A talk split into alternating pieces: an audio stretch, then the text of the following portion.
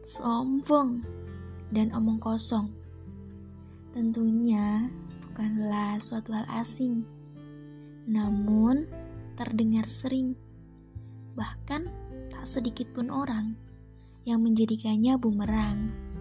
Mencari muka ke sana kemari hanya demi apa?